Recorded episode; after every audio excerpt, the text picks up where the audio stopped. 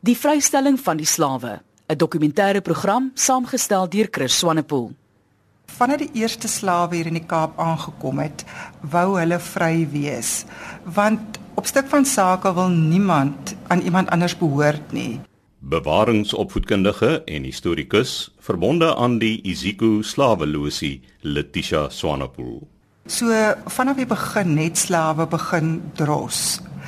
Daar is sprake van drostergemeenskappe op Tafelberg en by Fore en by Kaap Hangklip aan die ander kant van die berg. En hulle het natuurlik eers probeer om by Tafelberg uit te kom want dit was die naaste wegkruipplek. En veral die slawe wat ver van die slawelose hierdie gebou waar ons nou is gewerk het. Soos diegene wat hout gekap het in die bosse byvoorbeeld. Hulle het gedros wel as 'n kompanjieslaaf as 'n volwassene geloof bely het en ook 'n ander slaaf kon verskaf aan die kompanjie kon daardie persoon vrygeword het. Dr Hans Jesse, genealoog en historikus. Hy kon homself vrykoop deur die betaling van 'n sekere bedrag geld, maar hy moes dan ook 'n vervanging gee vir homself of haarself. Dit was tegnies moontlik, maar uh dit was 'n moeilike prosedure en eintlik is die wat genoem word, daardie proses word manumissie genoem. Manumission bekende historikus professor Herman Gilomee. Daardie proses was moeilik want jy moet 'n waarborg kan neersit dat die ene wat sy slaaf wil manipuleer uh waarborg neersit dat jy nie as jy 'n vrye persoon is 'n las op die samelewing sou wees nie. Die slawe wat gemanipuleer in die Kaap is was gewoonlik vroue wat hulle gunsteling slaaf vind wat in die huis gewerk het dat hulle vir haar moontlik gemaak het dat sy vry kan word. Die groot meerderheid slawe wat so vrygestel is was vroue, nie mans gewees nie. Jy sou wel op 'n wettige manier vrygestel kon word, maar dit het baie baie selde gebeur. As ons dink dat uiteindelik in 1838 is daar 39000 slawe vrygestel. Voor dit is daar omtrent 14 slawe per jaar vrygestel en dit is baie baie min. Jy sou byvoorbeeld vrygekoop kon word. Sê net maar 'n uh, VOC amptenaar in die Kaap of 'n soldaat wou trou met 'n slawe meisie, dan sou hy haar kon vrykoop want jy kon nie trou met 'n slavin nie en dan sou jy eers sekere goed moes kon bewys. Kon sy Hollands praat byvoorbeeld? Was sy gedoop? En as sy uiteindelik vrygestel sou word en jy sou met haar trou, sou jy byvoorbeeld albei van julle finansiëel kon onderhou. So daar was beperkings en daarom is baie min slawe vrygestel. 'n Voorbeeld van 'n huwelik tussen 'n vryburger en 'n vrygekoopte slavin het volgens Dr. Jelena Scheffler, historiese navorser, teen die einde van die 17de eeu tussen Laurens Kamfer en Ansela van der Kaap plaasgevind. Laurens sou iewers in die Tafelvallei vir hierdie waarskynlik aantreklike jong slavinnetjie gesien het en hy het waarskynlik 'n praatjie aangeknoop en dit het mettertyd in 'n vriendskap ontwikkel en daarna ook in 'n verhouding. Nou hy het op Stellenbosch gesit en sy in die Kaap. En dit was 'n moeilike reis van Stellenbosch en hierdie reis kon nie vir enige nietigheid aangepak word nie. Maar Hy het dit van tyd tot tyd aangepak. Hulle eerste kind, Cornelis, is in 1685 in die kasteel gedoop. Laurens Kamfer se naam word nie aangegee nie in die doopregister nie, soos wat dit die gebruik was in daardie tyd.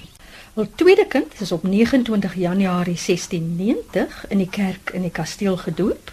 Die doopinskrywing lui: Een kind van Ansilla van der Kaap, genaamd Angeniti. En dan 3 jaar later is die derde en die laaste kind Jakoba gedoop, ook in dieselfde kerkie. Ek dink nie alle vroue het as prostituie gewerk nie. En dit was werklik 'n langdurige verhouding wat 'n 10 jaar aangehou voordat hulle dan nou saam weggestel in Boston en getrou het. In 1806 het die Engelse die Kaap finaal oorgeneem En kort daarna die eerste slawe opstand gevolg 1808 en dit is opgevolg deur 'n nog 'n slawe opstand in 1825. So ja, slawe het gerebelleer. Voor dit was daar nie eintlik georganiseerde slawe opstand nie. Daar sou dinge plaasgevind het soos brandstigting of diefstal, maar nie werklik georganiseerde pogings tot vrywording nie. Dit was nou in hierdie tye in 1810s, 1820s het Brittanje al meer begin wetgewing maak. Dit begin duidelik word dat slawerny se dae getel was. Hulle het eers 'n slawe register aangestel. Daar moes jy aanteken hoeveel kere jy die slaaf uh, pak slaag gekry en wat hy gevoed is en so aan. Dit het die boere baie kwaad gemaak hier op Stellenbosch en hulle het selfs gedreig met opstand en so aan. Nou 1806 toe die Kaap deur die Engelse oorgeneem is, het ons eintlik formeel deel geword van die Britse ryk. Met ander woorde, wetgewing wat in Londen aangeneem is, het dan ook in Suid-Afrika gegeld. So teen 1808 is daar wetgewing aangeneem wat gesê het jy mag nie meer 'n slawehandel dryf nie. So hier mag nie bote skepe in die Kaap aangekom het en dan koop jy vir jou 'n slaaf by die skeepskaptein nie. Dit mag nie meer gebeur het nie. Maar as hier slawe of kinders gebore is van slawe moeders, dan was hulle nog altyd slawe. So vanaf 1808 kon jy nog steeds in slawerny gebore word. Maar uiteindelik het mense in Brittanje het hulle begin besef maar jy kan nie ander mense behandel soos jou eiendom nie. En veral die godsdienstige groep die Quakers het in Amerika en in Engeland hulle daarvoor beywer dat slawe vrygestel word. Hulle het byvoorbeeld 'n lese gehad.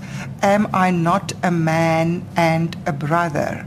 So ons is almal mekaar se gelyke die algemene stories van William Wilberforce wat die groot krag was agter die hele beweging om slawe vry te stel, maar ook die is nie Engelse wat die eer toe kom nie, ook die Hollanders met die Republiek aan die Kaap van 1803 tot 1806 onder Bataafse beheer Franse liberale idees was die idee gewees om alle slawe kinders wat gebore word by geboorte vry te stel. Met ander woorde 'n geleidelike proses. Nou dit het saamgeval met die beweging in Engeland want vanaf 1807 mag geen slawe meer na die Kaap toe ingevoer word nie. En daar was sprake van hoe dit moet plaasvind. Die burgers self het weer eens op die Hollandse Bataafse manier gesê ons begin by die vrystelling van slawe kinders by geboorte. Maar die Britte het ander gedagtes gehad. Hulle het hierdie idee het hulle verwerp. Uiteindelik na aanleiding van die werk van mense soos William Wilberforce en ook Buxton is daar wetgewing aangeneem in 1833 en daar's besluit dat op die 1 Desember 1834 sou slawe in die Britse ryk uiteindelik vry word. Maar hier van 18 vroeg 1830s was dit onafwendbaar dat Brittanje in sy ryk heeltemal slawerny sou afskaff en daar sou 'n oorbruggingsperiode wees van 4 jaar tussen 1834 en 1838. Hulle word eintlik in 1 Desember 1834 vrygestel, maar hulle moes nog vir 4 jaar hulle meester of meesteres dien om gewoon te raak aan die vryheid. Hulle was ingeboek. Hulle kon nie weggaan nie. Hulle eers 1838 kon hulle weggaan. Daar's byvoorbeeld stories van slawe. Ek dink byvoorbeeld aan 'n onderhoud wat hulle gehad het met Katie Jacobs.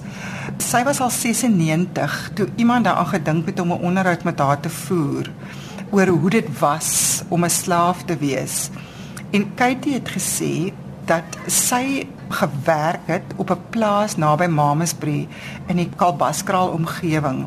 Die mense se van was mosterd. En op 'n dag is daar aan hulle, aan die slawe gesê, hulle moet vir hulle netjies aantrek en dan die volgende oggend sal daar vir hulle gesê word wat om te doen. En die volgende oggend is hulle toe almal na die eetkamer toe geroep en die magistraat was daar. En dis toe die eerste keer dat iemand vir hulle sê dat binne 4 jaar sal jy vry word. As jou eienaar jou meester jou wil hou, sal hy van nou af vir jou moet betaal. Hy sal vir jou 'n loon moet betaal. En toe het meneer Mostert aangebied om vir Katie 10 shillings 'n maand te betaal en vir haar man Jakob 1 pond 10 shillings 'n maand. Ja, die bepaling was dwars deur die Britse ryk daardie tyd dat hulle vir 4 jaar moes hulle nog by die meesters in diens bly as sogenaamde vakleerlinge of apprentices wat veronderstel was om hulle voor te berei vir vryheid, maar daar het nie veel plaas gevind nie. Hulle was maar steeds nog altyd beskou as gewone goedkoop arbeid.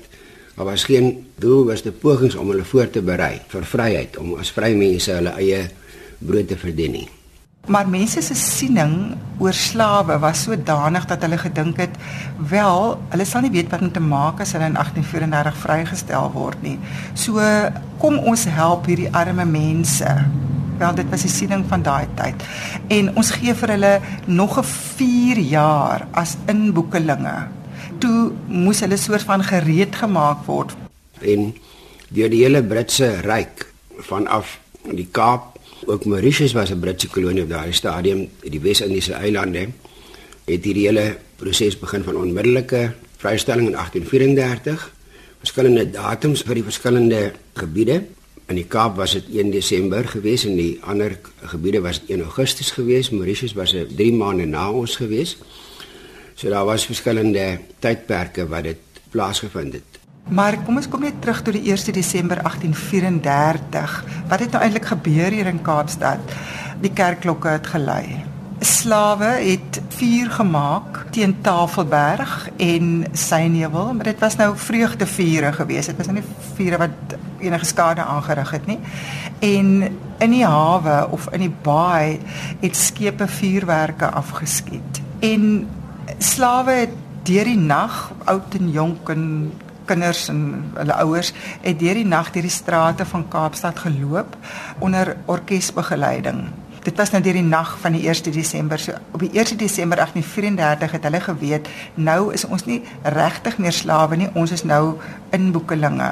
In Engels gebruik hulle die woord ook apprentices. Brittanje en uh, Nederland en Europa, Wes-Europa is daar natuurlik nooit slawerny gewees nie. Brittanje was natuurlik die land waarvan die slawe handelaars die meeste slawe vervoer het. Uit Afrika uit na Amerika toe, soms ook na Suid-Afrika toe.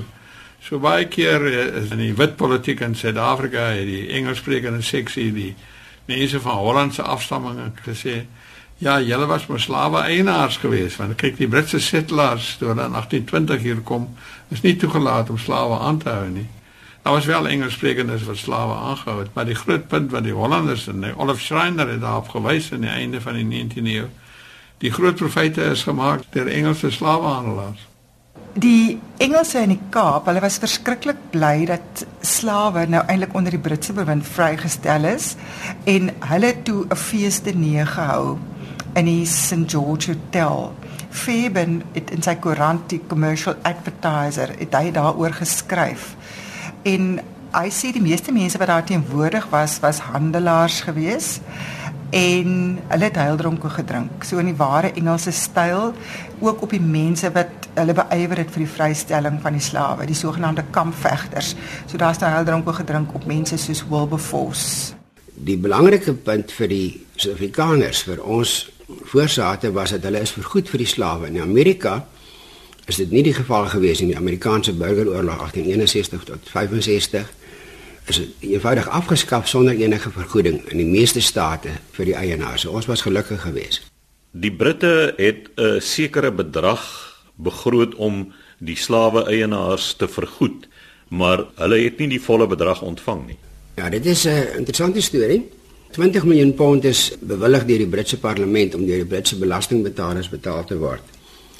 Maar die bedrag was aanvanklik groter geweest, maar op die ou end sou die Kaap volgens die waarde van sy slawe sou hy 3 miljoen pond ontvang het. Op die ouend het hulle sleg 1 en 'n kwart miljoen pond ontvang.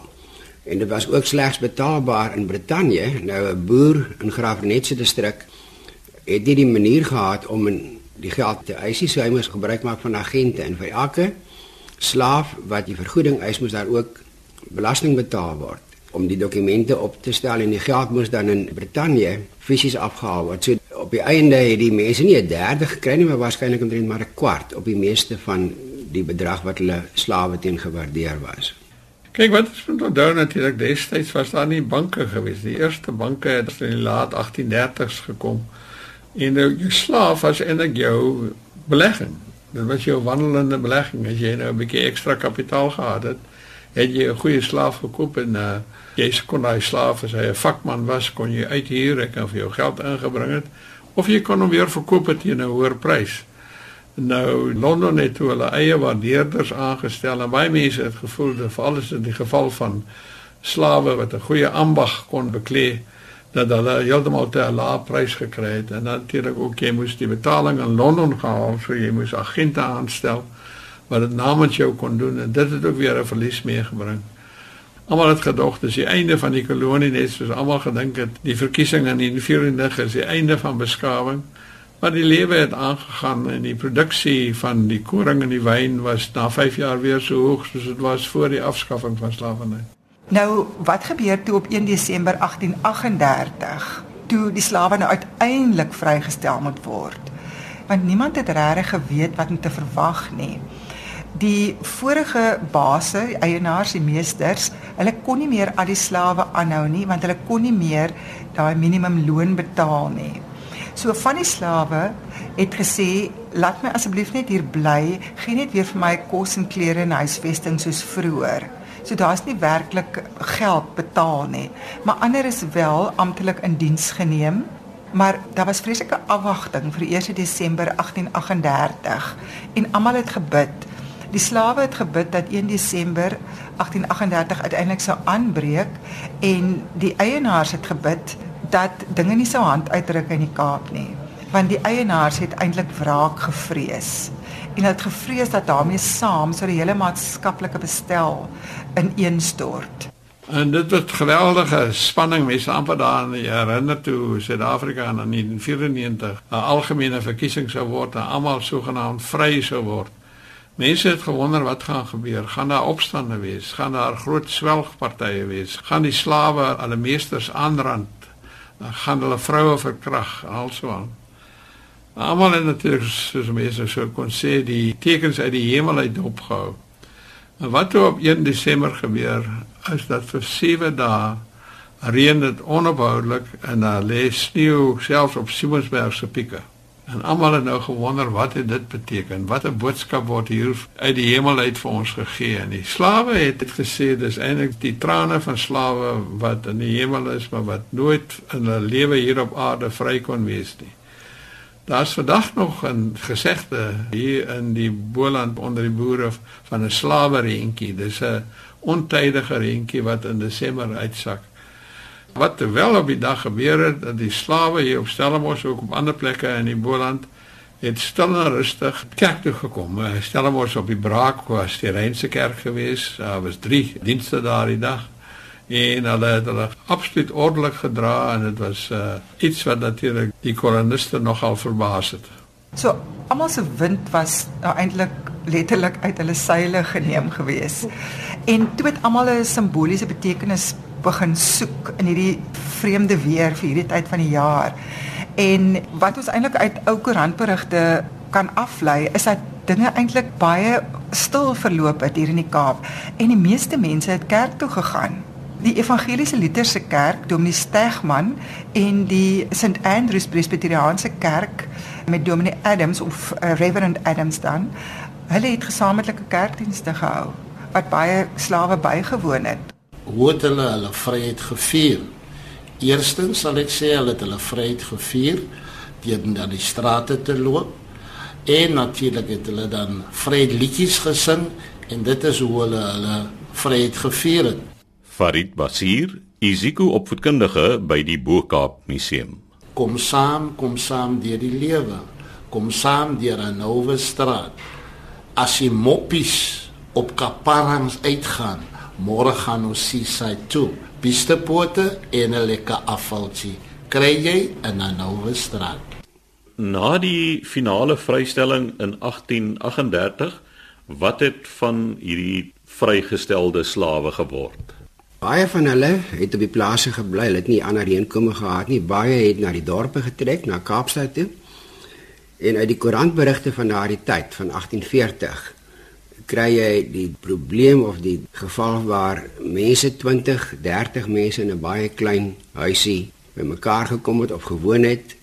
Dit was absoluut wantoestande geweest waarin hulle verkeer het. Werkloosheid het floreer want wat maak jy met 2000 mense wat trek en al wat hulle kan doen is op die lande te werk, koring te sny en druiwe te pluk en te trap, die soort van ding. So dit was geweldige sosiale en ekonomiese probleme wat gevolg het. Een van die mooiste stories van die vrystelling van die slawe in Desember 38 is dat daar 'n vrou hier in Stellenbosch haar verskillende kinders, slawe kinders was op sewe of ag verskillende plase. Toe sy nou 1 Desember aanbreek was sy al redelik bejaard en sy was al blind. Maar sy het van plaas tot plaas gegaan om elke kind te haal weer by haar by mekaar te bring dat hulle se gesin weer by mekaar kan wees. Die Britse regering het nie iets gedoen om hulle lot te verbeter nie. Gelukkig het die sendinggenootskappe ingetree en so Spinial byvoorbeeld is begin die huidige Jamestown en soms het Wesete sendingstasie ontstaan om hierdie mense te absorbeer. En dit was 'n klassieke voorbeeld. Almal het as jy na Pinial kyk vandag, dit is soos Genadendal, daar's 'n rivierstroom wat mense kan grond benut In kort kom dit daarop neer dat ons in 1843 begin het. Matthew Seister, gemeenskapsleier en kenner van Pinel se ontstaan. Die kerk hier agter is 'n uh, gedeelte van 'n klein stukkie gebouetjie wat aanvanklik geskenk was met die idee om dan 'n kerk vir die vrygestelde slawe destyds en vry swartes natuurlik om die kerk te stig vir hulle en dan ook om skool daarin te gee. So wat geskenk was deur twee boere wat 'n uh, goeie hoop deur die plaas hier langs aan ons besit het. En die boere het toe besluit nadat die slawe vrygestel was, hier kan dalk 'n probleem ontstaan met werkers want die slawe wou toe dan nou wegtrek vanaf die plase en terselfdertyd was hulle bekommerd oor die geestelike bearbeiding van die mense wat geen inkomste gehad het. Dit is so die kerk was die begin, die stukkie grond was 'n begin Die korrekte uitspraak is Peniel wat geneem is uit die Bybel uit Genesis uit wat beteken aangesig van God. Peni wat beteken aangesig en El natuurlik wat beteken God. Hulle is aangemoedig om tuine te begin, gehelp om grond in die hande te kry, gehelp om huise te bou. Maar dit was 'n eenvoudige bestaan gewees het en ongelukkig belang duur mense is nie tevrede om net landbou te beoefen nie en op die einde meestal het maar dorpe toe getrek maar die mense wat nou byvoorbeeld vakleerlinge was of wat bouers was, messelaars was, skoenmakers, hulle kon in die dorpe wel 'n goeie lewe voer, maar die gewone plaaswerker wat nie geskool was nie, het 'n baie donker toekoms gehad. In die Boekap is eintlik 'n klein basiese geskiedenis wat begin het vir mense hier in die Kaap. Die slawe natuurlik was vakkundige mense. As jy gekyk het in die vroeë jare, in die tyd toe die Nederlanders nou aan die bewind was van die Kaap, moes hulle huise gebou het. So dit wil sê sommige van hulle was dan natuurlik goeie bouers, pleistermanne, sommige van hulle natuurlik het dan geword vissermanne en dan het hulle natuurlik ook gehad jou mooi mandjies wat hulle gewewe het. En dan het jy dan natuurlik ook gekry jou vroumense. En wat het jou vroumense gedoen? En hulle was mense wat gewerk het met masjiene, hulle het klere begin maak alhoewel hy ook die man gehad het wat hulle genoem het soos hulle sê die tailor en hy was die man wat net jou uitdrag gemaak het vir jou klere en dan natuurlik jou skrynwerkers het jy gehad. En dit is een iets vakkundige wat die mense basies gehad het. Terugskouend vandag wat is die bydrae wat hierdie slawe tot die huidige Suid-Afrika gelewer het? Ja, kyk, slawerny is 'n besluit wat geneem word. In die geval van Australië, die kolonie Australië, die Britse regering van die begin dit neergelê dat daar gaan geen slawerny wees nie. En dit het so geword en dit het die hele karakter van die nuwe nedersetting bepaal. In die geval van die Kaap die Goeie Hoop was die Nederlandse Oos-Indië Kompanie wat eintlik gestig is om handel in die Verre Ooste te gaan dryf in Maleisië, Indonesië en Indië het hulle al van die eerste jare van die 17de eeu slawerny daar gehad. En dit was amper 'n outomatiese besluit dat dan ook in die Kaap sou toelaat. Dit was natuurlik 'n sekere sin 'n noodlottige besluit want soos die gesegde lei, dat is die Europeërs in 'n kolonie kom en daar is slawe, dan verkies hulle om nie te werk nie, om die slawe te laat werk. En hy betoon aan jou natuurlik die nodige eer so die hele konsepsie ontstaan van paternalisme dat die Kaapse koloniste was dan nou sogenaamd die vaders of die moeders van die slaaf of die slaafin en hulle het dan die eerbied betoon teenoor die meester en die meesteres. Dit bepaal natuurlik ook grondiglik eh, rasseverhoudinge na slawerny, want hierdie hele paternalisme duur voort tot in die hele moderne tyd. So is, is seker die een enkele instelling wat Suid-Afrika die meeste beïnvloed het. Dit was Die Vrystelling van die Slawe, 'n dokumentêre program saamgestel deur Chris Swanepoel.